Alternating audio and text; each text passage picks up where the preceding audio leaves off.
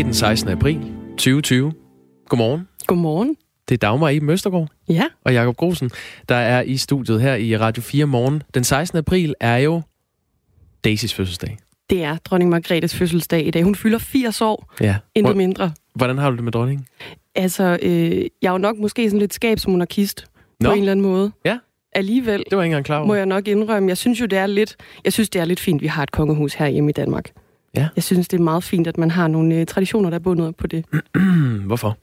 Jamen, øh, det er jo sådan lidt en, det er sådan en samfundskonstant på en eller anden måde. Ikke? Der er nogen, man altid kan kigge på og sige, okay, der har vi dronning Margrethe. Ja, Det synes jeg, det, det rører mig på en eller anden måde.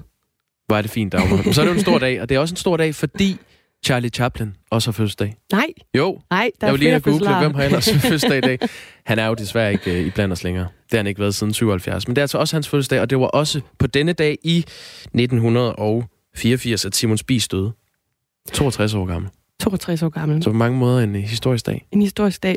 Og vi sender lige en lykkeønsning afsted jo til dronning Margrethe allerede nu. Det kan du regne med, at vi gør. Klokken og det 6 øh, minutter over 6. kommer også til at fylde en lille smule i, i dagens Radio 4 morgen, selvom hun har frabedt sig al fejring. Ja, vi gør det lidt alligevel. Beklager. Undskyld.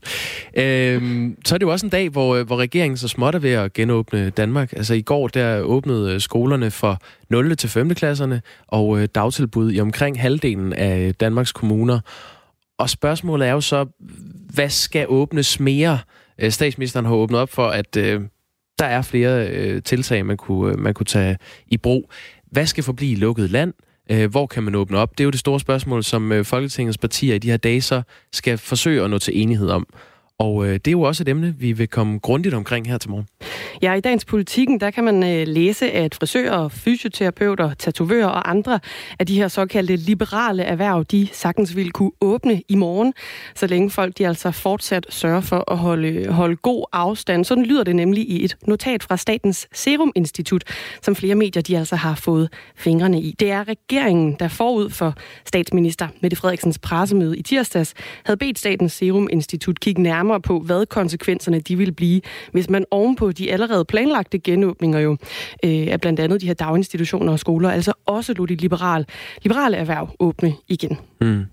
Øh, faglig direktør for øh, infektionsberedskab i Statens øh, Serum Institut, øh, Kåre Mølbak, han ville jo på det her pressemøde, der var i, øh, i tirsdags, ikke fremlægge de beregninger, som understøttede øh, regeringens beslutning om at genåbne mere end hidtil øh, varslet. Han sagde, det, det er en politisk beslutning. Mm. Men øh, nu er det her notat altså alligevel kommet frem. Og i det her notat, der bliver der regnet på, hvad det vil betyde, øh, hvis øh, yderligere 27.000 personer begynder at arbejde. Oven i hatten, der har øh, Serum Instituttet øh, lavet en øh, såkaldt følsomhedsanalyse med forskellige niveauer af fysisk afstand, og øhm, den viser, at hvis man åbner op for de liberale erhverv, og hvis vi fortsat holder fysisk afstand på samme måde som før påske, så vil antallet af indlagte fort, øh, fortsætte med at falde. Og øh, hvis kun halvdelen af befolkningen holder afstand, så vil antallet af indlagte stige, men stadig langt fra dramatisk. Det synes jeg er noget overraskende. Ja. Alligevel. Det er det. Alting på trods. Men i hvert fald her i første time, der taler vi med biolog Christian Weise om, hvad det egentlig er forsvarligt at genåbne. Og så fortsætter vi i næste time, hvor vi taler med to partier, der hver har deres bud på, hvad der skal åbnes op for. Du lytter til Radio 4 morgen. Det er med mig, Dagmar Eben Østergaard, og så er det også med Jakob Grosen. Godmorgen. Godmorgen. Men vi starter med flyselskaber, fordi flyselskaber, der aflyser fly på grund af corona, skal som reglerne de er i dag altså give penge retur til kunderne inden for syv dage. De kan ikke bare nøjes med et voucher, altså sådan et til gode bevis til en senere rejse. Alligevel så oplever mange forbrugere, at øh, flyselskaberne de prøver at spise kunderne af med sådan et til gode bevis, i stedet for altså at refundere det fulde beløb. En af dem, der har raset over det på Instagram, det var journalist, filmmand og tidligere cykelkommentator Jørgen Let, der havde en billet med Iceland Air. Ja, og øh, han sagde sådan her. De havde sagt, at vi kunne komme med, så aflyser de. Men de, for inden der har vi betalt til dem, for det var de meget insisterende på selvfølgelig. Men der, når de af, afblæst alle afgange, og de vil ikke betale tilbage, de henviser til, at vi kan få en voucher. Til hvad? Ja, det er jo latterligt. Så det er jo en form for svindel, afpresning, synes jeg. Han føler sig afpresset. Det gør han. Jørgen Let. Øh, godmorgen, senior, øh, Signe Senior Pedersen. Godmorgen. Du bor i Bruxelles, og øh, så har du købt to flybilletter til dine børn fra Bruxelles til, øh, til Bilund. Øh, afgangen var egentlig første sommer, men på grund af den her økonomiske krise, så har øh, Bruxelles Airline øh, altså valgt at, at nedlægge ruten. Øh, hvor svært har det været for dig at få de her penge tilbage? Jamen altså, det har indtil videre været meget svært. Jeg har været i forbindelse med Altså nu er det lige Brussels Airlines, så det er ikke fordi, jeg specielt vil hænge øh, Brussels Airlines ud. Jeg, jeg kører det sådan generelt på alle flyselskaber, men øhm, altså jeg har været i telefonisk kontakt med dem i hvert fald to gange, og har haft en meget lang øh, korrespondence med dem over, over Facebook. Det er jo det, man gør nu her til dags, når man ikke kan komme igennem på telefonen, at man skriver til dem på Facebook. Og øh, villigheden har ikke øh, specielt været der til at tilbagebetale pengene, selvom ruten nu faktisk er nedlagt. Øh, så det vil sige, det har, det har været svært. Ja, ifølge den, øh, den gældende EU-lovgivning, så har du ellers ret til at få dine penge retur inden for øh, syv dage. Det øh, forklarer Vibeke Myrtu Jensen. Hun er politisk rådgiver for øh, Forbrugerrådet Tænk. Hvis du har købt et flybillet, og dit fly det bliver aflyst, så har du ret til at få dine penge refunderet for billetten inden for syv dage. Du kan også blive tilbudt en voucher, altså et gavekort eller en ombooking til en senere tidspunkt. Men det er op til dig, hvad du vælger at tage imod. Ja, i marts der udtalte Brussels Airlines, at de øh, lige nu ikke er i stand til at give pengene tilbage for, for flybilletter. Øhm, de her flyselskaber, de gør det jo, fordi de er økonomisk hårdt presset, og det kan hjælpe dem med ikke at gå konkurs, hvis øh, de kan udstede for eksempel et til gode bevis. Hvorfor kan du ikke hjælpe dem ved at tage imod sådan et øh, til gode bevis? Altså det, det kunne jeg jo i princippet også, og man kan sige, at det jeg har, det jeg har udstående med dem er omkring 2500 danske kroner, og det er jo, altså i det store puslespil her, eller hvad hedder det store billede her med, med corona, er det jo måske ikke så specielt meget. Man kunne jo godt sige, at det kunne være min, øh, altså det kunne være det, jeg kunne spæde til, at de måske kunne overleve. Øh, til gengæld har jeg jo været i kontakt med rigtig mange, som har fået aflyst deres rejser, som har flere penge ud at hænge, og nu er det, nu er det faktisk bare blevet en principsag, fordi jeg synes jo det der med, at EU har fælles øh, spilleregler, og man køber en billet, hvor der står, hvis ikke du kan komme afsted, så kan du få enten altså til godvis, du kan få ombooket din rejse, eller du kan få pengene tilbage. Og i og med, at min rejse eller min destination faktisk blev aflyst øh, hos Brussels Airlines, altså slet ikke eksisterer mere, så har jeg i princippet ikke så meget at bruge et til bevis til. Og det er lidt der, jeg selvfølgelig stejler, fordi altså, som andre ret travle børnefamilier, så kan vi ikke bare lige tage en ny rejse et andet sted hen. Og for mig var det selvfølgelig vigtigt at komme fra destination A til B, og da det ikke længere er muligt, vil jeg selvfølgelig finde en alternativ rejsevej, og meget gerne have mine penge retur, så jeg kan, kan bruge penge et andet sted. Øh, Signe Senja Pedersen, øh, jeg vil lige bede dig om, øh, hvis du sidder med et headset, øh, som, som det, ja, der er noget, der knitrer en lille smule. Øh, det kan være okay. dit headset, der går mod en, øh, en skjorte det, eller et eller andet. Ja, det er muligvis nok. Et, nu, øh, nu sagde jeg jo før det her med, at, øh, at man ifølge den her gældende EU-lovgivning har lov til at få sine penge retur inden for syv dage, hvis ens øh, fly bliver aflyst. Jeg tror også, der er mange, der sidder lidt på, på pinder og venter på, hvad kommer til at ske til sommer. For der er nok mange, der allerede har købt de her flybilletter.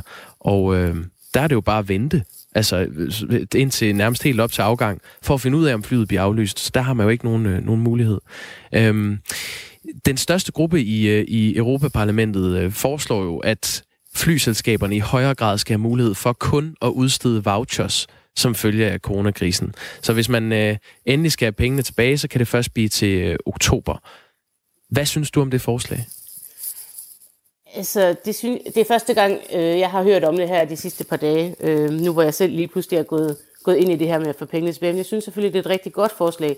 I virkeligheden har vi jo alle sammen lyst til, at der skal være flyselskaber og rejseselskaber, når det her det er, det er overstået. Og i særdeleshed os, der bor i udlandet, har, har jo ofte brug for at komme tilbage til Danmark, så at de overlever er jo for os øh, faktisk helt essentielt.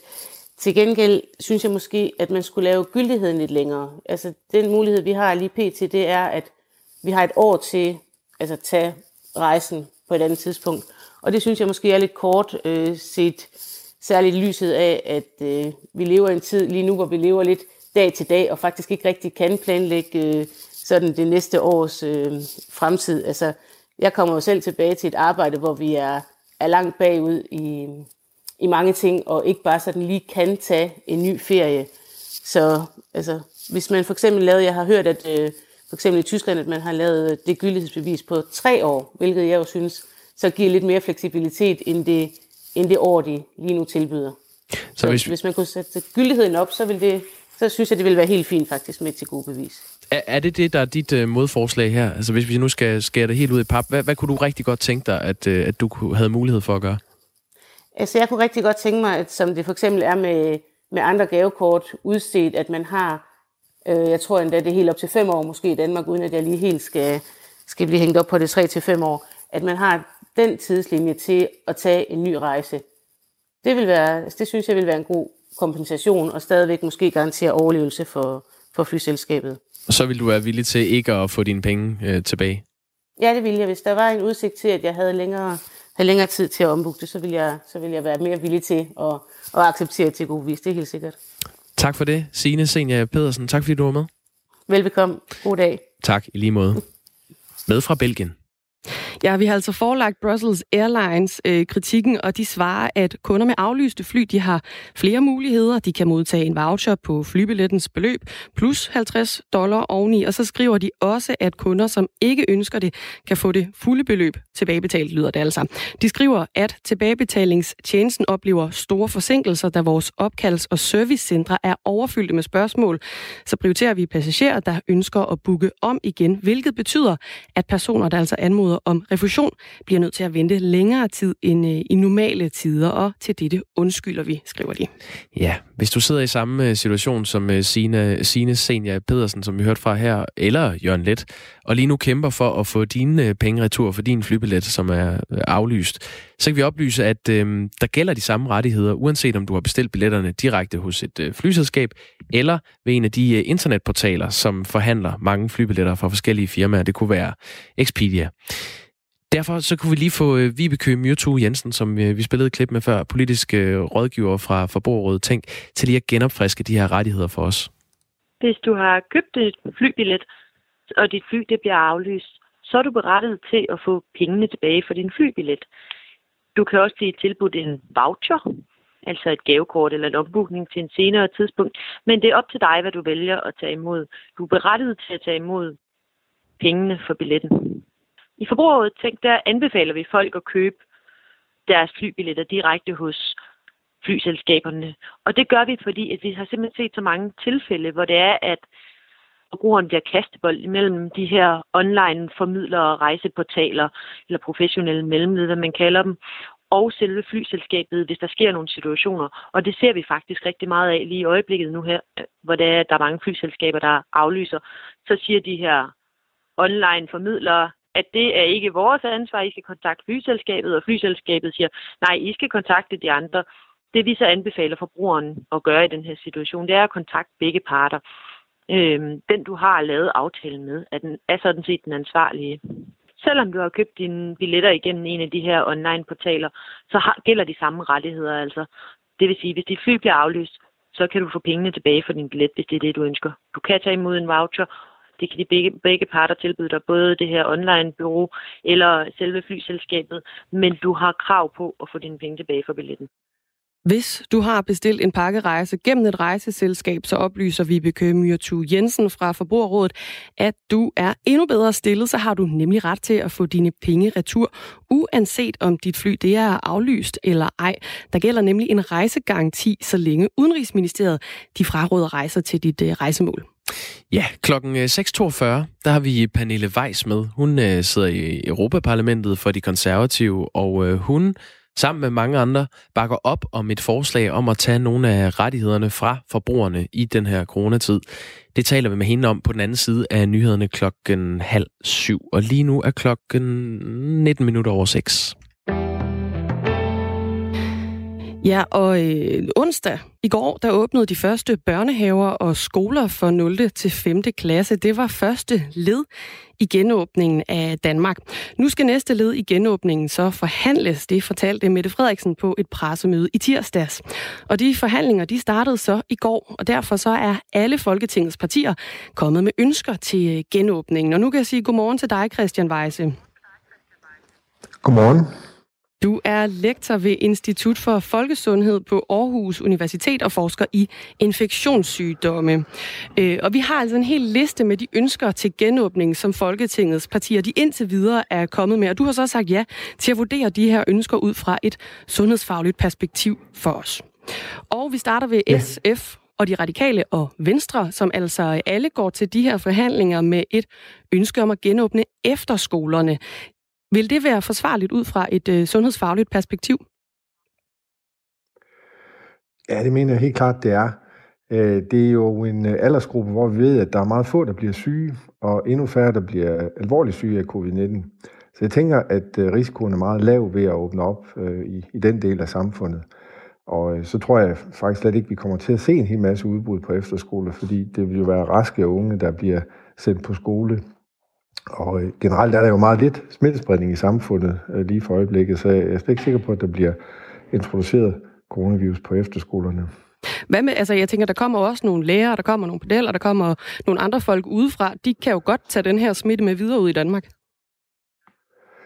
Ja, altså det er klart, det skal man jo have, øh, have tænkt over have gjort, taget nogle forholdsregler omkring. Og det tænker jeg også godt, at man, man kan. Øh, nu ved jeg i hvert fald øh, fra min egen datter, som, øh, som er sendt hjem fra efterskole, at, at der er der løfter om, at, at nogle af lærerne vil simpelthen øh, flytte ind på efterskolen og, og øh, bo der. Så det kan, det kan også være sådan nogle øh, tiltag, man vælger at gøre. Men altså ellers kan det være noget med, at, øh, at man, man sørger for at, at, øh, at sikre øh, rigtig god håndhygiejne, og at der er øh, øh, ret korte tidsintervaller, hvor, hvor øh, lærere og, og andre ansatte, som kommer ind og ud af skolen, er, er sammen med eleverne. For ellers tror jeg nok, at, at, at planen fra, fra efterskolerne er, at man simpelthen øh, øh, øh, sikrer, at børnene de bliver der resten af skoleåret. Og derfor tror jeg godt, at man kan, man kan få lavet, øh, man kan få lavet et, et setup, hvor det ikke øh, er noget, der, der kommer til at indebære en, en væsentlig øh, risiko, hverken for, for, øh, for de elever, der går på skolen, eller, eller de øh, ansatte, der er der. Men man kan sige, at det, det er til rimelig stor gene for, øh, for de lærere, der underviser på efterskoler, hvis de skal til at flytte ind på en efterskole, og derfor ikke øh, kan se deres familie, for eksempel. Ja, og, og det, det ved jeg heller ikke, om det er noget, der, der øh, altså man kan pålægge, eller der bliver et generelt tiltag, men, men, øh, men det, øh, det er altså noget, jeg har, jeg har hørt, at, øh, at man planlægger at, at gøre nogle steder. Øh, og, men, men selvfølgelig kan man, kan man så heller ikke øh, altså, sige, at, at øh, efterskolelærerne ikke er sammen med, med deres familier. Øh, så, så der vil være en kontakt mellem efterskolerne og det, og, og det omgivende samfund. Øh, men jeg tænker altså ikke, at, at det på nogen måde er et, et, øh, et stort problem, og, og det tror jeg heller ikke, det er med, med, med de små klasser jo, i øvrigt, hvor vi jo også har, øh, har lærere og, øh, og elever samlet. Og så vidt altså i hvert fald for de, øh, for de unge, det kan godt lade sig give sig at genåbne efterskolerne, hvis der altså bliver taget nogle forholdsregler. Så skal vi til øh, det lidt ældre segment, kan vi vist godt kalde det. Dansk Folkeparti og SF, de vil nemlig gerne have, at der bliver åbnet op på landets plejehjem, så de ældre de altså ikke skal isoleres længere. Hvordan ser du det i, ud fra noget sundhedsfagligt, et sundhedsfagligt perspektiv, Christian Weise?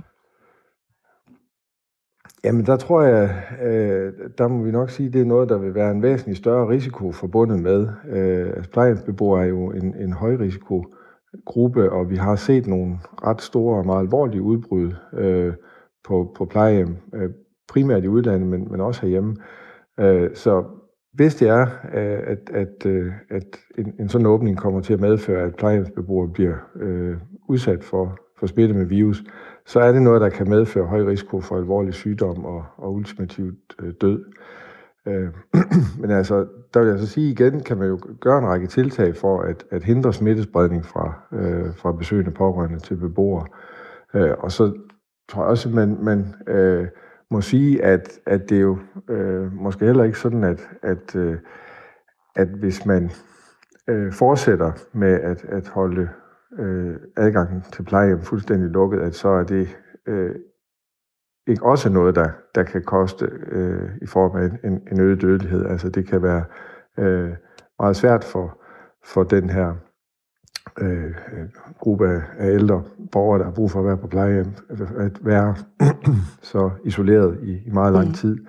Øh, og der kan man også godt forestille sig, at, at der er nogen, der, der simpelthen øh, lægger sig til at, at dø af det.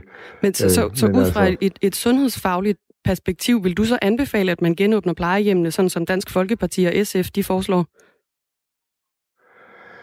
Jeg, jeg, jeg vil nok sige, at øh, jeg, det synes jeg, det er for tidligt. Altså, jeg synes, øh, jeg synes risikoen er, er for stor for den her gruppe. Øh, men, men, men jeg tror da, vi kommer til at skal, skal se på det øh, senere hen, men, men jeg synes, det er meget tidligt at gøre det. det er ikke, altså, øvelsen må være, at vi, øh, nu hvor vi åbner op, så fokuserer på de grupper, der har meget lav risiko for at blive alvorligt syge, og det er altså øh, de, de helt unge, det må vi sige. Vi taler med Christian Weise, der er lektor ved Institut for Folkesundhed på Aarhus Universitet, altså forsker i infektionssygdomme. Og øh, Christian Weise, stort set alle partier, de vil gerne have åbnet op for det, man kalder de liberale erhverv, altså små butikker, og det kan være frisører, og det kan være tatovører. Og formanden for de konservative, Søren Pape, han siger sådan her. Få gang i, øh, i serviceerhvervet, få gang i de liberale erhverv, så meget det nu kan lade sig gøre. Christian Weise, hvad vurderer du er mest forsvarligt at, at åbne op for først? Altså, giver det mening at åbne op for de her små butikker og de liberale erhverv? Øhm, altså, det, det er noget, der, der nok vil være en, en, en, en noget større risiko ved, end at, end at åbne op øh, i, i skolerne for de, for de yngre. Altså, det, det er svært at, øh, at, at vurdere den risiko øh, helt så, så præcist. Men øh, øh, øh, jeg, jeg, jeg tror, at man kan, man kan godt forestille sig, at man kan gøre det på en forsvarlig måde ved at øh, øh igen at tage en række forholdsregler. det ved jeg, det er også øh, det er der flere af, af, af dem, der, der er i de liberale erhverv, som, som har, har været ude at sige, at, øh, at det kan altså godt lade sig gøre og, øh, og, og, og øh, blive klippet, uden at, at man øh, nødvendigvis risikerer at blive smittet af, af sin frisør eller den anden vej rundt.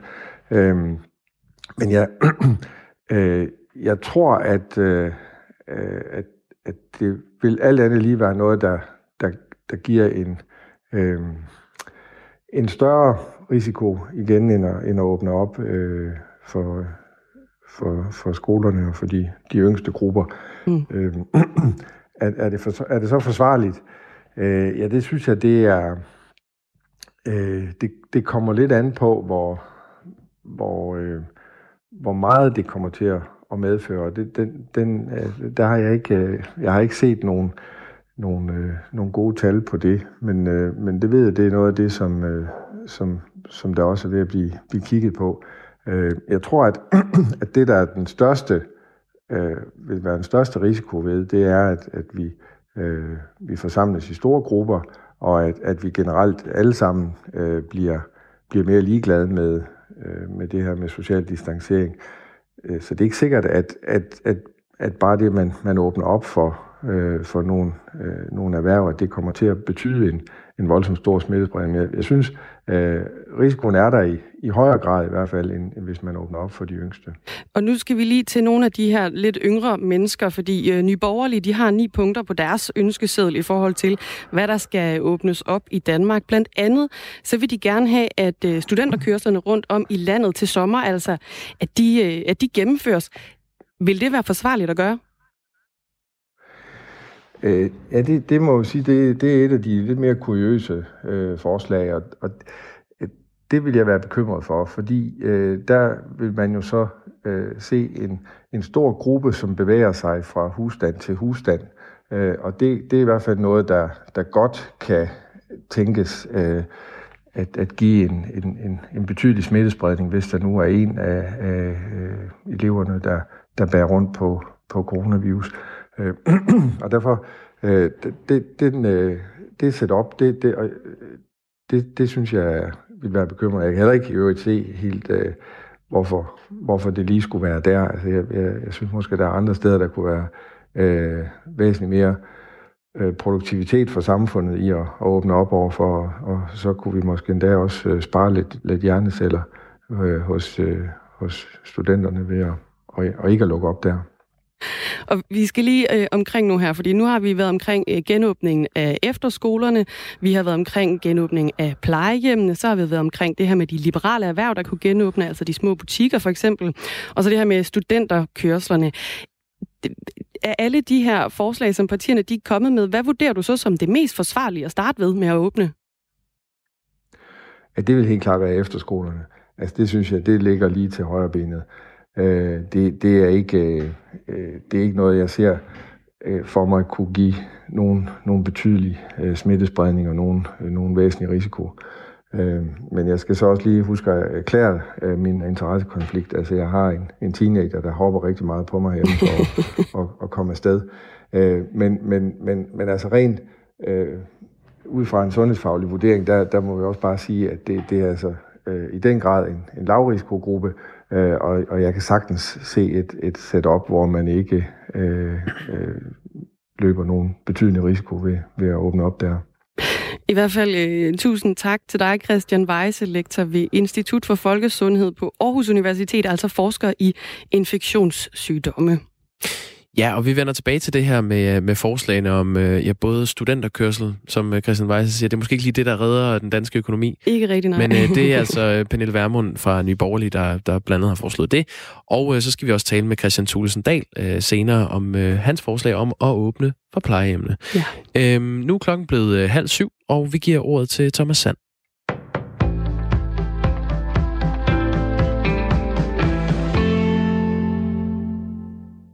Det er muligt at åbne for yderligere 27.000 menneskers normale arbejdsliv under coronakrisen, det siger de radikales politiske leder Morten Østergaard, efter at han har fået tilsendt og har gennemlæst et notat, som er udarbejdet af Statens Serum Institut.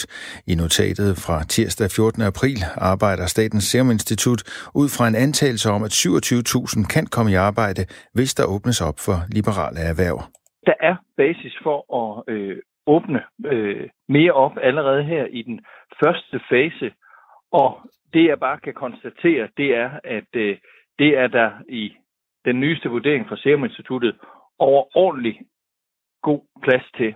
Og derfor er det, jeg siger, at hvis afsættet er, at øh, man ud fra en vurdering af de her liberale erhverv siger 27.000 personer, øh, så synes jeg, at vi hurtigst muligt politisk skal beslutte at lade de her små, lukkede, liberale erhvervsdrivende frisører og andre åbne, og i øvrigt se, om der er plads til, at også nogle af de uddannelsessøgende øh, højskole, øh, efterskoleelever øh, og eventuelt domstolene kan komme med i den her ombæring, og så få slået søm i det hurtigt siger Morten Østergaard i notatet fra Statens Serum Institut, lyder det, at befolkningens evne til at holde afstand har haft og fortsat vil få betydning for antallet af indlæggelser på intensivafdelinger. Simuleringerne viser, at så fremt alle eller halvdelen af den voksne befolkning fortsætter med at holde fysisk afstand som niveauet før påske, så har vi højst sandsynligt allerede set den maksimale belastning på intensive sengepladser, lyder det i notatet. Morten Østergaard peger på, at mange små erhvervsdrivende risikerer at lide butikstøden under coronakrisen, når de ikke kan holde åbent. Vi skal huske på, at det er jo menneskers liv og levende, det handler om. Det er folk, der driver en virksomhed, og som hænger med det yderste af neglene. Øh, og, og derfor synes jeg ikke, at vi kan sidde på den her viden længere øh, end, øh, end højst nødvendigt. Flere store udenlandske medier fremhæver en sammenhæng mellem kvindelige statsledere og en god håndtering af coronaviruspandemien. Således bliver Danmarks statsminister Mette Frederiksen også fremhævet af medier som britiske The Guardian og amerikanske Forbes. Danmark, ledet af Mette Frederiksen og Finland, hvor premierminister Sanna Marin er leder for en koalition med fire andre partier, ledet af kvinder, udfører et bemærkelsesværdigt arbejde med at inddæmme coronavirus, skriver The Guardian. Af andre statsledere bliver Tysklands Angela Merkel, New Zealands Jacinda Ardern og Taiwans Tsai Ing-wen fremhævet. Ifølge Forbes har de kvindelige statsledere været hurtige til at reagere på alvoren af coronaviruset. Tysklands forbundskansler fortalte tidligt og roligt, at dette var alvorligt, og at op mod 70 procent af befolkningen kunne smittes, skriver Forbes, og giver endnu et eksempel. Blandt de første og hurtigste reaktioner var Tsai Ing-wens i Taiwan. Tilbage i januar ved de første tegn på en ny sygdom indførte hun 124 restriktioner til at forhindre spredning, der i dag er almindelig andre steder. Også det amerikanske medie CNN fremhæver sammenhængen. CNN skriver blandt andet, at fire ud af fem nordiske lande har kvindelige ledere, og at landene har lavere dødsretter sammenlignet med andre europæiske lande. Nogen eller en del sol, men først på dagen mest skyde mod sydvest. Temperaturer op mellem 8 og 13 grader. Let til frisk vind omkring vest ved kysterne stedvis op til hård vind. Du lytter til Radio 4. Mit navn er Thomas Sand. Der er flere nyheder klokken 7.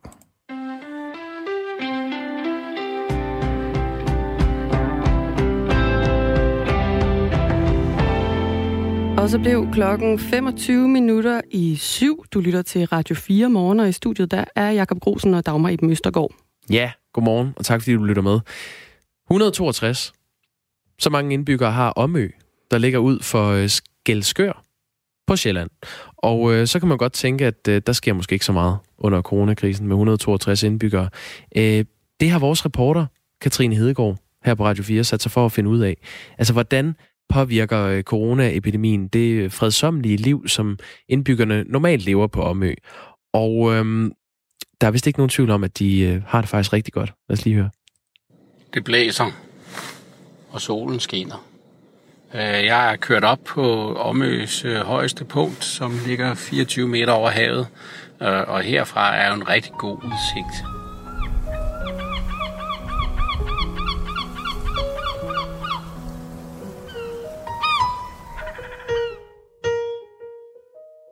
Så jeg tror da, at det at komme ud, hvor der er lidt mere luft øh, imellem hinanden, og hvor der samtidig er det der fællesskab, øh, det tror jeg da, man søger, og det vil man søge også, og det vil man søge for sine børn. Også at man vil, man vil flytte ud og sige, at vi vil gerne give dem noget andet. Jeg synes, det der er vigtigt også at understrege, det er, og det at flytte ud på en ø, er jo ikke en, i anførselstegn, en livstidsdom. Altså det at flytte ud og sige, jeg vil gerne være her nogle år, jeg vil gerne øh, give mig selv og mine børn og min familie en oplevelse, som er anderledes end den, jeg kan få i byen, og noget mere fred og noget mere langsomlighed og noget mere nærvær. At, at få det ind under huden og få det med sig. Så kan man, når man har været her i 5, 8, 10 år og synes, nu skal vi opleve noget andet, så kan man overveje, vil vi noget andet, eller er vi faldet til her, og er det vores liv fremadrettet også. Altså jeg synes, man skal se det som en mulighed faktisk for, også i de her tider, at sige, kig på sig selv og sige, når man har jeg opbrugt, hvad jeg skal bruge af caféer og biografer osv., og, øh, og så flytte ud på en ø og deltage i nogle nære kulturtilbud. For det er jo ikke sådan, at på småøerne har vi ingen kulturtilbud. Vi har rigtig mange. Der er biografforeninger og, og aftenskoler og alt muligt mellem himmel og jord, som man kan vælge til at være en del af. Og hvis man ikke øh, lige finder, hvad man søger, så må man jo starte det selv. Så jeg håber, at at øh, coronatiderne får folk til at kigge på sig selv og sige, at det her, jeg skal tilbringe resten af min, øh, ikke resten af min dage, men den nærmeste tid, eller skulle jeg måske overveje at, at søge noget andet? Og så håber jeg, at der er nogle småøer, der dukker op i nogle folks hoveder og tænker, Nå, der har jeg faktisk været, der havde jeg faktisk en god ferie, der havde jeg faktisk en god, et god barndom, eller hvad det måtte være. Jeg kunne godt tænke mig at søge tilbage dertil.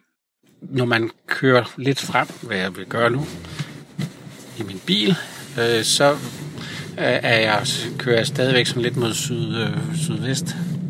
Og øh, der vil jeg så lige foran Omø by, der vil jeg kunne få øje på Omø Sø. Øh, Omø Sø er, er øh, resterne, kan man sige, af et sund, øh, som var øh, tilbage efter istiden. Øh, og det er sådan set her, at der har været øh, bopladser langs søens bred. Der har faktisk været et helt sund, hvis man har kunne sejle hele vejen igennem, og ved, ved, efter at isen er, er smeltet og landet er hævet, jamen så har man fået to øer i realiteten. Øh, en nordø, som jeg holder på med den gode udsigt, og så sydøen, øh, hvor øh, den gode landbrugsjord så i øvrigt også ligger, og hvor man i øvrigt så øh, har lagt sommerhus. Søen er altid et kig værd. Der er altid mulighed for at se en masse fugle, øh, som øh, kommer øh, og bor her fast. Øh, vadefugle, øh, gælder, æsser, og øh, Øh, rørdrummen var her for nogle år siden, men den er desværre væk. Måske den kommer igen i år, det ved vi ikke. Og så har vi jo tit rørhøen på sine tugter forbi øh, søen. Øh. Det er lørdag morgen på badestranden nede ved draget på Omø, og vi er fem friske kvinder, som er ved at øh, tage tøjet af, naturligvis udendørs, med god afstand. Øhm, og vi kigger ud over et hav, som er næsten spejlblankt. Og måske kan man lige få lidt real lyd lige om lidt, så I kan høre, hvordan det plasker om vores fødder, når vi går ud. Fordi det er sådan, at der ikke er nogen badebro her, så det er lidt den sene død, hvor at vi øh, må gå ud, indtil vi synes, at nu er der vand nok til, at man kan svømme sig et par tag. Og der har vi øh, i vores lille badegruppe her, der har vi Sonja, som er skolelærer, og som siger, at man skal svømme 10 tag. Så det gør vi. Uh, Sonja, vil du ikke tage en badehus med mig derinde? Og det er jo Og det underlige ved det. Altså, der er jo så også nogen, som, øh, som bader med handsker på, så jeg på øh, et billede over fra Jylland af nogle vinterbadere. Bader? Så, Nå. ja, altså sådan nogle... Sådan Det er nogle, de øh, jyder. jo, men ligesom, ligesom de badesko, vi har. Øh, kender du til det, Sonja, med de der handsker, man også kan bade med? Sådan nogle neoprenhandsker, Ja, eller præcis. Ja. I dag der kommer man til at kunne svømme lige ud i solstrålen, hvis man tager Sonjas 10 svømmetag. Det gør vi. Så det gør vi. Ja, ja, det, det gør vi. Ja. Man kan se Vejrø. Hvorfor skal vi egentlig tage de der 10? Jamen, det er fordi, så ved man, så man i hvert fald været i i noget stykke tid. I okay lang tid. Okay. I dag tager vi måske 20, hvis det er så dejligt. 20? Åh, oh, det ser skønt ud. Der er lige en lille smule bølger, der krabber lidt i kanten her. Men vandet er helt rent. Det er en super fornøjelse. Og tænk en rigdom, at vi øh, har hele den her strand for os selv. Så der er ikke noget med at øh, være sammen og holde afstand. Det går helt af sig selv.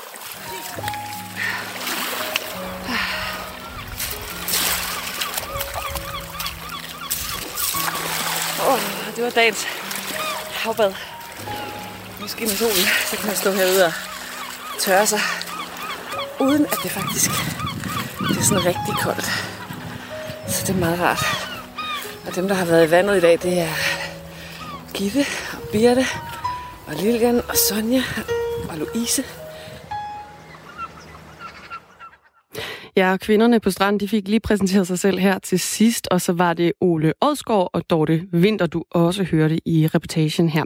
Hele programmet fra Omø, det kan høres i tæt på, og det er klokken 10.05 her på Radio 4. Hvem der bare boede på Omø. Ja, det lyder dejligt. Det blæser lidt. Det blæser lidt. En dejlig solskin.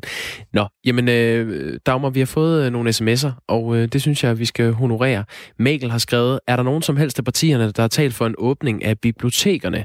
Og det går på, at vi øh, her til morgen øh, tager temperaturen på nogle af de forslag, der er på... Øh, hvad er det næste, der skal åbnes op ja. øh, her i samfundet? Øh, skal man åbne øh, plejehjemmene for besøg? Skal man åbne efterskolerne igen? Skal det være i de små liberale erhverv? Skal man åbne for studenterkørslen, som øh, Nye Borgerlige har foreslået? Ja. Øhm, Mikkel spørger så ind til bibliotekerne, og øh, det er specifikt vist ikke blevet nævnt, men Nye Borgerlige har også talt om biografer og øh, teatre. Men altså, hvis du har nogle øh, indspark til det, vi sender her på Radio 4, så skriv ind på 1424. Start din besked med R4, øh, efterfulgt af din øh, kommentar eller et spørgsmål, øh, hvis du har det, til nogle af dem, vi taler med. Så, så kan vi tage det med i vores interviews. Ja, du er mere end velkommen til at skrive ind. Det vil vi blive glade for. Ja tak. Klokken den er blevet 17 minutter i syv. Og nu skal vi så tilbage til en øh, historie, som også fylder her på morgen. Det er en historie om de mange danskere, der lige nu har problemer med at få penge tilbage for fly, der er aflyst ja. på grund af coronakrisen. Og tidligere på morgenen, der talte vi med Sine Senja Pedersen, som havde købt flybilletter til sine børn fra Bruxelles til Bilund på et fly, der altså nu er aflyst. Hun er blevet tilbudt et såkaldt voucher, altså et til gode bevis, i stedet for at få sine penge retur. Man køber en billet, hvor der står, hvis ikke du kan komme afsted, så kan du få enten altså et tilgodevis, du kan få ombooket din rejse, eller du kan få pengene tilbage. Og i og med, at min rejse eller min destination faktisk blev aflyst øh, hos Brussels Airlines, altså slet ikke eksisterer mere, så har jeg i princippet ikke så meget at bruge et tilgodebevis til. Nej, hun har i princippet ikke så meget at bruge det her til gode bevis til. Men ifølge den her gældende EU-lovgivning, så har sine Senja Pedersen altså ret til at få sine penge retur. Og det er inden for syv dage, det forklarer Vibeke Myrtu Jensen, der er politisk rådgiver fra Forbrugerrådet Tænk. Hvis du har købt et flybillet, og dit fly det bliver aflyst, så har du ret til at få dine penge refunderet for billetten inden for syv dage. Du kan også blive tilbudt en voucher, altså et gavekort eller en ombooking til en senere tidspunkt. Men det er op til dig, hvad du vælger at tage imod. Ja, men de her rettigheder, som øh, Vibeke Myrtu Jensen hun altså øh, henviser til her, dem synes du, der skal ændres på, Pernille Weiss. Godmorgen. ja, sådan kan man måske godt sætte det op. Jeg er i hvert fald i gruppe hernede i Europaparlamentet med, øh, med nogle kollegaer, som har foreslået øh, på forslag øh, i øvrigt fra, fra Tyskland, altså fra den tyske regering og den tyske trans, trafik-transportminister, at det her det bliver vi nødt til at se på som en mulighed for at hjælpe også en en branche, som er meget, meget hårdt presset på grund af, af coronakrisen, nemlig flybranchen og rejsebyråerne osv. De, øh, de har så fundet frem til den her det her forslag, som de har sendt øh, videre over til kommissionen, fordi det er dem, der, om jeg så vil sige, kan gøre det juridiske arbejde, som, og det går ud på, at i stedet for den her syvdages øh, frist, så for simpelthen at hjælpe øh, denne her branche, altså flybranchen øh, og rejsebyråbranchen, så øh, skal der være mulighed for, at, øh, at man først skal få sine penge tilbage øh, til efteråret, hvis man vælger det. Hvis man vælger ikke øh, det, øh, men gerne vil have den her voucher eller til gode bevis, så får den her, det her til gode bevis en øh, varighed på øh, op til to år, øh, og det får en værdi af 110 procent. Øh, og så kan man så diskutere, er det rimeligt eller ej. Øh, det tror jeg, der er rigtig mange øh, øh situationer og eksempler, man kan diskutere rimeligheden af øh, i øjeblikket i forhold til coronakrisen. Men initiativet fra Tyskland øh, og fra mine øh, kollegaer i, øh, i EPP-gruppen går simpelthen ud på at, at holde hånden, hånden under også denne her branche med det her øh, forslag hvor, øh, hvor vi som borgere, hvis vi har købt en billet, ligesom den her familie i, øh, i Jylland har gjort det, øh, stadigvæk kan få sine penge, men bare ikke inden for syv dage, men øh, til efteråret. Øh, og på den måde er med til, og du sagt, at sørge for, at der er noget likviditet øh, i de her øh, firmaer, sådan så at, at de ikke når at at gå konkurs, og en masse mennesker øh, når at blive arbejdsløse. Det er sådan set det, det går ud på. Så, så man nu må kan vi jo se, om det bliver til noget. Ja, det må vi jo vente og se, men man, man kan i hvert fald forslaget, det ligger, at man kan få et til gode bevis, som kan gælde op til to år, eller også så kan man få sine penge retur til oktober for aflyste fly. Ja. Pernille Weiss, øh, medlem af Europaparlamentet for de konservative. Hvorfor er det private personer, som øh, jamen, du og jeg og Signe Senior, vi snakkede med tidligere på morgen, skal, skal, skal yde den her form for lån til flyselskaberne? Jamen, vi står i en helt, helt, helt exceptionelt særlig situation med coronakrisen, hvor vi alle sammen uh, på mange forskellige måder uh, bliver nødt til simpelthen at hjælpe hinanden.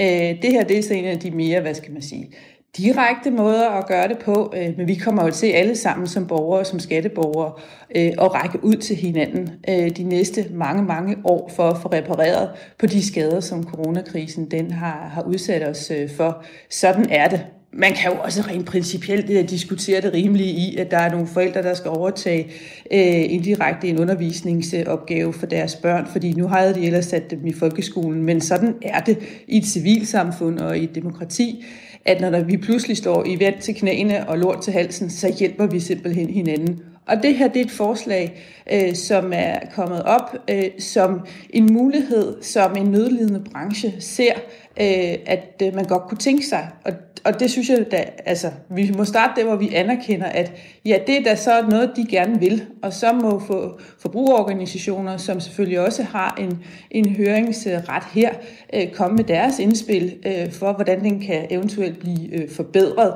øh, sådan så man imødekommer nogle af dem, der måske synes, at, at, at det at vente til oktober med at få sine penge tilbage, at, øh, at det kan de af en eller anden grund ikke være med til. Mm. Men jeg synes, vi skal se positivt på, hvordan vi kan række ud og understøtte og passe godt på de arbejdspladser, der også ligger i, øh, i øh, transportbranchen. Ja, i Forbrugerrådet Tænk, der anerkender de altså også, at flysektoren har, har alvorlige problemer. Lyt lige med her engang at vi er godt klar over, at flyselskaberne de er i krise i øjeblikket, men det er der mange forbrugere, der også er. Så forbrugeren skal også betale deres regninger. Forbrugeren har også en masse ting, de skal stå med. Og det vil sige, de skal altså kunne få de her penge tilbage, som der står i lovgivningen, at man skal have inden for syv dage.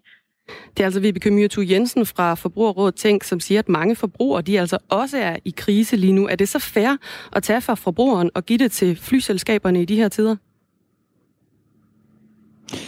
Jamen, jeg vil slå koldt vand i blodet, og, og så, så længe at det her forslag alene er et forslag, fordi det juridisk ikke bare lige kan trylles ned over det hele, øh, så rent nu sagt, så løber tiden jo øh, frem imod øh, en, øh, en skæringsdato, som i forslaget er til oktober, øh, samtidig med, at kommissionen er helt sikker på, nok skal se øh, øh, seriøst og, og også øh, hele vejen rundt øh, i forhold til både øh, flyselskaberne, rejsebyråerne, forbrugerne øh, osv., øh, at finde en model, der forhåbentlig øh, kan gøre, at vi undgår at miste en masse jobs i flybranchen. Mm. Øhm, så, så jeg har da fuldstændig respekt for, at der er nogen, der, der efter at, at de ikke kunne komme på den rejse, som, som de ellers havde betalt, øh, godt kunne tænke sig at bruge pengene på noget andet, og muligvis også har brug for at bruge pengene på noget andet. Det har jeg stor respekt for.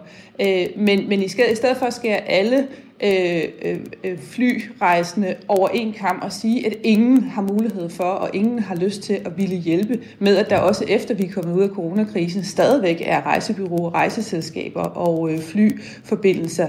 Øh, det synes jeg skal jeg tænke for, for groft øh, op. Mm. Det er jo en seriøs bekymring, at vi får øh, et, øh, et Europa efterfølgende, øh, hvor der simpelthen ikke er den samme grad af, af, af rejsemuligheder for folk til at besøge deres familie, til at passe deres job job på tværs af grænser osv. osv. Jeg er helt med på, at vi ikke kommer tilbage til den 100% kopi af verden øh, fra før. Øh, men her handler det simpelthen også om, at, at den overgang for nogle selskaber, hvis virkefremtid er en helt anden øh, efter coronakrisen, at de får tid til ikke bare at smide deres medarbejdere på, øh, på, på, på, på gaden, øh, og ikke se nye muligheder for deres virksomhed. Og det er det, der ligger som baggrund for det her forslag, sådan som jeg forstår det fra, fra den tyske regering, og også fra mine kollegaer over i transportudvalget. Men, Men altså, jeg hørte om det her i går, og det er ikke noget, vi har snakket om i den store gruppe, så vi, vi er langt væk mm. fra mm. ny lovgivning, mm. vil jeg så lige sige. Pernille Weiss, så skal vi bare lige hurtigt øh, have slået fast her, at der egentlig, så er der allerede øh, flyselskaber, som har modtaget øh, hjælpepakker, øh, for jo netop at undgå, at de kommer i en alt for dyb øh, krise. For eksempel så har SAS modtaget 2 milliarder fra både den danske og den svenske stat. Øh, så vi hører lige et sidste klip her med, med Vibeke Myrto Jensen fra Forbrugerrådet Tænk. Der kommer alle de her hjælpepakker til erhvervslivet i øjeblikket, og det får erhvervslivet gavn af. Det vil sige, så bør forbrugerrettighederne ikke samtidig svækkes også, så forbrugeren også skal donere penge til erhvervslivet. Forbrugeren har de her rettigheder til at få deres penge tilbage, så skal de selvfølgelig også have dem. Pernille Weiss, øh, medlem af Europaparlamentet. Hvorfor skal flyselskaberne både have hjælpepakker øh, og også hjælpes af, af os forbrugere på, på samme tid? Jeg tror, det er meget, meget få, der, når vi kommer ud af det her, vil kunne øh, pege på nogen og sige, okay, de fik både livrem og seler. Øh, der er også udfordringer i de hjælpepakker, som, øh, som bliver ragt ud nu til, øh, til flybranchen og, og turismebranchen, som man skal være opmærksom på. Det jeg generelt bare gerne vil løfte pegefingeren på øh, og minde om, det er, lad nu være med, at det, vi forestiller sig, at al hjælp skal gives en til en, sådan så vi alle sammen, øh, som om vi var i en stor socialistisk øh, familie, øh, kunne sige, at vi fik alle sammen hver især lige præcis det samme som naboen. Vi har nogle brancher øh, i et øh, liberalt øh, erhverv, som vores samfundsøkonomi også er afhængig af. Og det kan ikke nytte noget, at vi skal have knæene af hverken SAS eller, eller store dele af transportbranchen, fordi det vil simpelthen ødelægge den, øh, det fundament, der er under øh, rigtig, rigtig mange danske små og mellemstore virksomheder. Og det er altså dem, der tjener skatteindtægter hjem øh, til den danske velfærdsstat. Så vi bliver nødt til også at se tingene lidt i et større perspektiv. Øh, og jeg er helt sikker på, at kommissionen når de får det her øh, forslag øh, op under brillerne, så vil de selvfølgelig se på, okay, hvilke, hvilke hjælpepakker er der allerede derude til, til, øh, til transport og, øh, og flybranchen, og hvordan får vi lukket de huller, som kan spænde ben for rigtig mange arbejdspladser. Og det er det, der er deres opgave, og det er det, som vi vil koncentrere os om i, øh, i min partigruppe. Og i hvert fald så, tusind tak. lige koldt vand i blodet. vi slår koldt vand i blodet. Tusind tak til dig, Pernille Weiss, medlem af Europaparlamentet, øh, som altså støtter forslaget om at hjælpe europæiske flyselskaber, blandt andet ved at ændre på retten til at få øh, tilbagebetalt penge for aflyste fly inden for syv dage. Altså et forsøg på at få øh, lukket et økonomisk hul. Ja, klokken den er blevet 6 minutter i syv. I øh, både Europa og øh, USA, der har vi set eksempler på lastbiler, der øh, transporterer lig, øh, menneskelig, som er døde med coronavirus, væk. Øh, anderledes ser det ud i Indonesien. Her har man øh, indtil videre blot konstateret øh,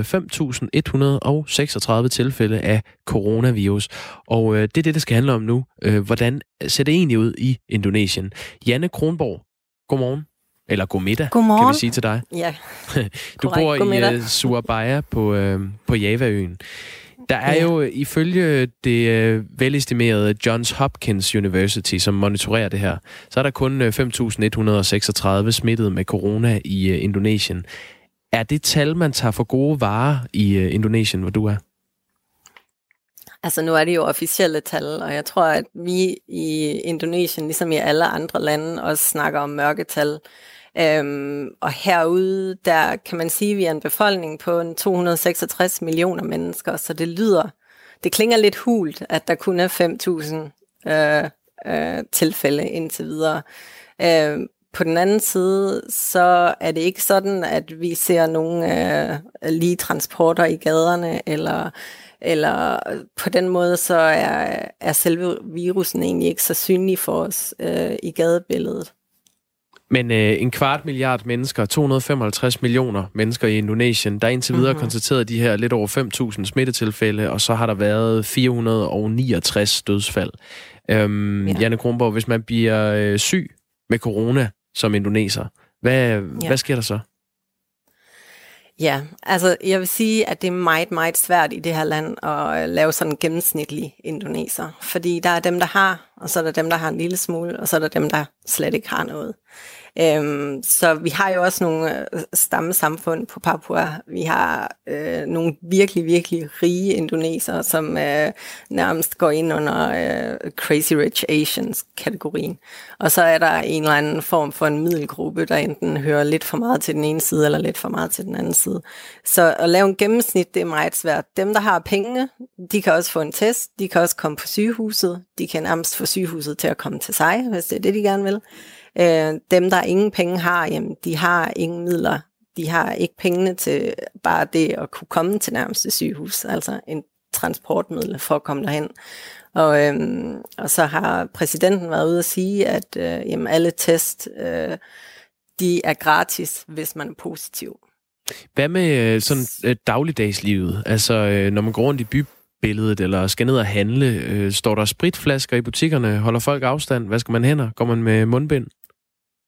Øhm, det er blevet udstedt nogle forskellige dekreter rundt omkring i regionerne, øhm, så det er også meget forskelligt, hvor man bor. Øh, her i Surabaya, hvor jeg bor, der skal vi gå med maske, hvis vi er udenfor.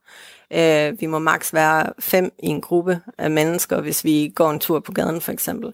Um, når jeg går ud og handler ind, um, så har øh, indkøbsfaciliteterne sat håndsfrit frem, øh, og de har også sat... Øh, øh, plastikhandsker frem. Men mundbind, det skal man sig selv sørge for at mm. kunne have med sig. Hvordan har... Øh, og så, så vil jeg sige sådan noget så, som social distance, det er et ord, der også bliver brugt hyppigt herude, og også øh, bliver, F, bliver ja, efterlevet, men det er meget, meget svært i, øh, i, i supermarkedet. Altså, der bliver ikke, det er ikke sådan, at man går en meter mellem hinanden, eller to meter, eller der er blevet opstillet stillet linjer for, hvor mange der må komme ind i en butik ad gangen, eller sådan noget. Sådan, sådan fungerer samfundet ikke helt herude. Nej. Hvordan har øh, de øh, indonesiske myndigheder håndteret krisen? Altså, hvad, hvad er blevet meldt ud? Men der har været øh, to forskellige strategier. Øhm, vi havde vores første tilfælde, jeg tror det var 2. marts, det blev registreret herude. Øhm, og 17. marts, der kom øh, præsident øh, øh, Jokowi ud og sagde, at han helt med vilje har tilbageholdt informationer fra befolkningen. Og det kan jo lyde helt sindssygt, når man kommer fra et land som Danmark, hvor alle forventer øh, gennemsigtighed i alt simpelthen. Øhm, han har så gjort det, altså jeg kan godt forstå årsagen, det er et land med virkelig, virkelig mange mennesker, øhm, og, og masse hysteri i det her land, det kan komme til at ende ud i verden, altså værst tilfælde en borgerkrig eller andet. Øhm, Men det kan jo også så gå galt, var- hvis man ikke sådan- er opmærksom på, hvordan man skal øh, øh, opføre sig. Lige præcis. Altså, jeg vil sige, de har egentlig været, øhm, været okay hurtige til at komme ud med øh, informationer i forhold til, hvordan borgere skal forholde sig. Men det, de har holdt tilbage, det er informationer om, hvor mange der har været smittet, hvor smitten har spredt sig, hvor mange der er blevet testet, hvor mange der har været døde, og så videre, eller der dør, og så videre, så videre. Den information, den har ikke rigtig været offentligt tilgængeligt, faktisk, før i mandags. Det fortalte Janne Kronborg, øh, bosat i Indonesien med sin mand og, øh, og to børn. Og Janne, tak fordi du var med her. Velbekomme. Ha' en god dag. Ja, tak. I lige måde. Pas på dig selv. Tak, tak i lige måde. Så vidt altså den øh, første time af Radio 4 morgen i dag, den øh, 16. april. Mm. Hvem har fødselsdag? Det har dronning Margrethe. Nemlig. og nu øh, er det blevet tid til nogle øh, nyheder. Klokken den er nemlig blevet syv.